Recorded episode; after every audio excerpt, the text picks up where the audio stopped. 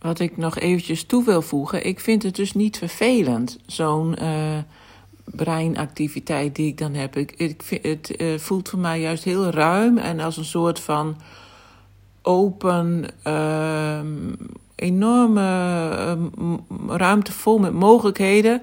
Wat, wat je allemaal kan onderzoeken en uh, wat er allemaal misschien mogelijk, ja, mogelijk, ja, dat zei ik al. Um, dus het, voelt voor mij als een hele soort speeltuin vol met allerlei potentie, wat allemaal wel niet zou kunnen. Dus uh, ik vind dat geen vervelende breinactiviteit. Ik heb natuurlijk ook wel eens vervelende breinactiviteit. Dan zit je eindeloos uh, ergens over te piekeren of zo. Maar dat heb ik wel uh, steeds beter st of steeds sneller door, waardoor ik dat kan stoppen. Maar dit soort breinactiviteit vind ik dus heel erg leuk en interessant.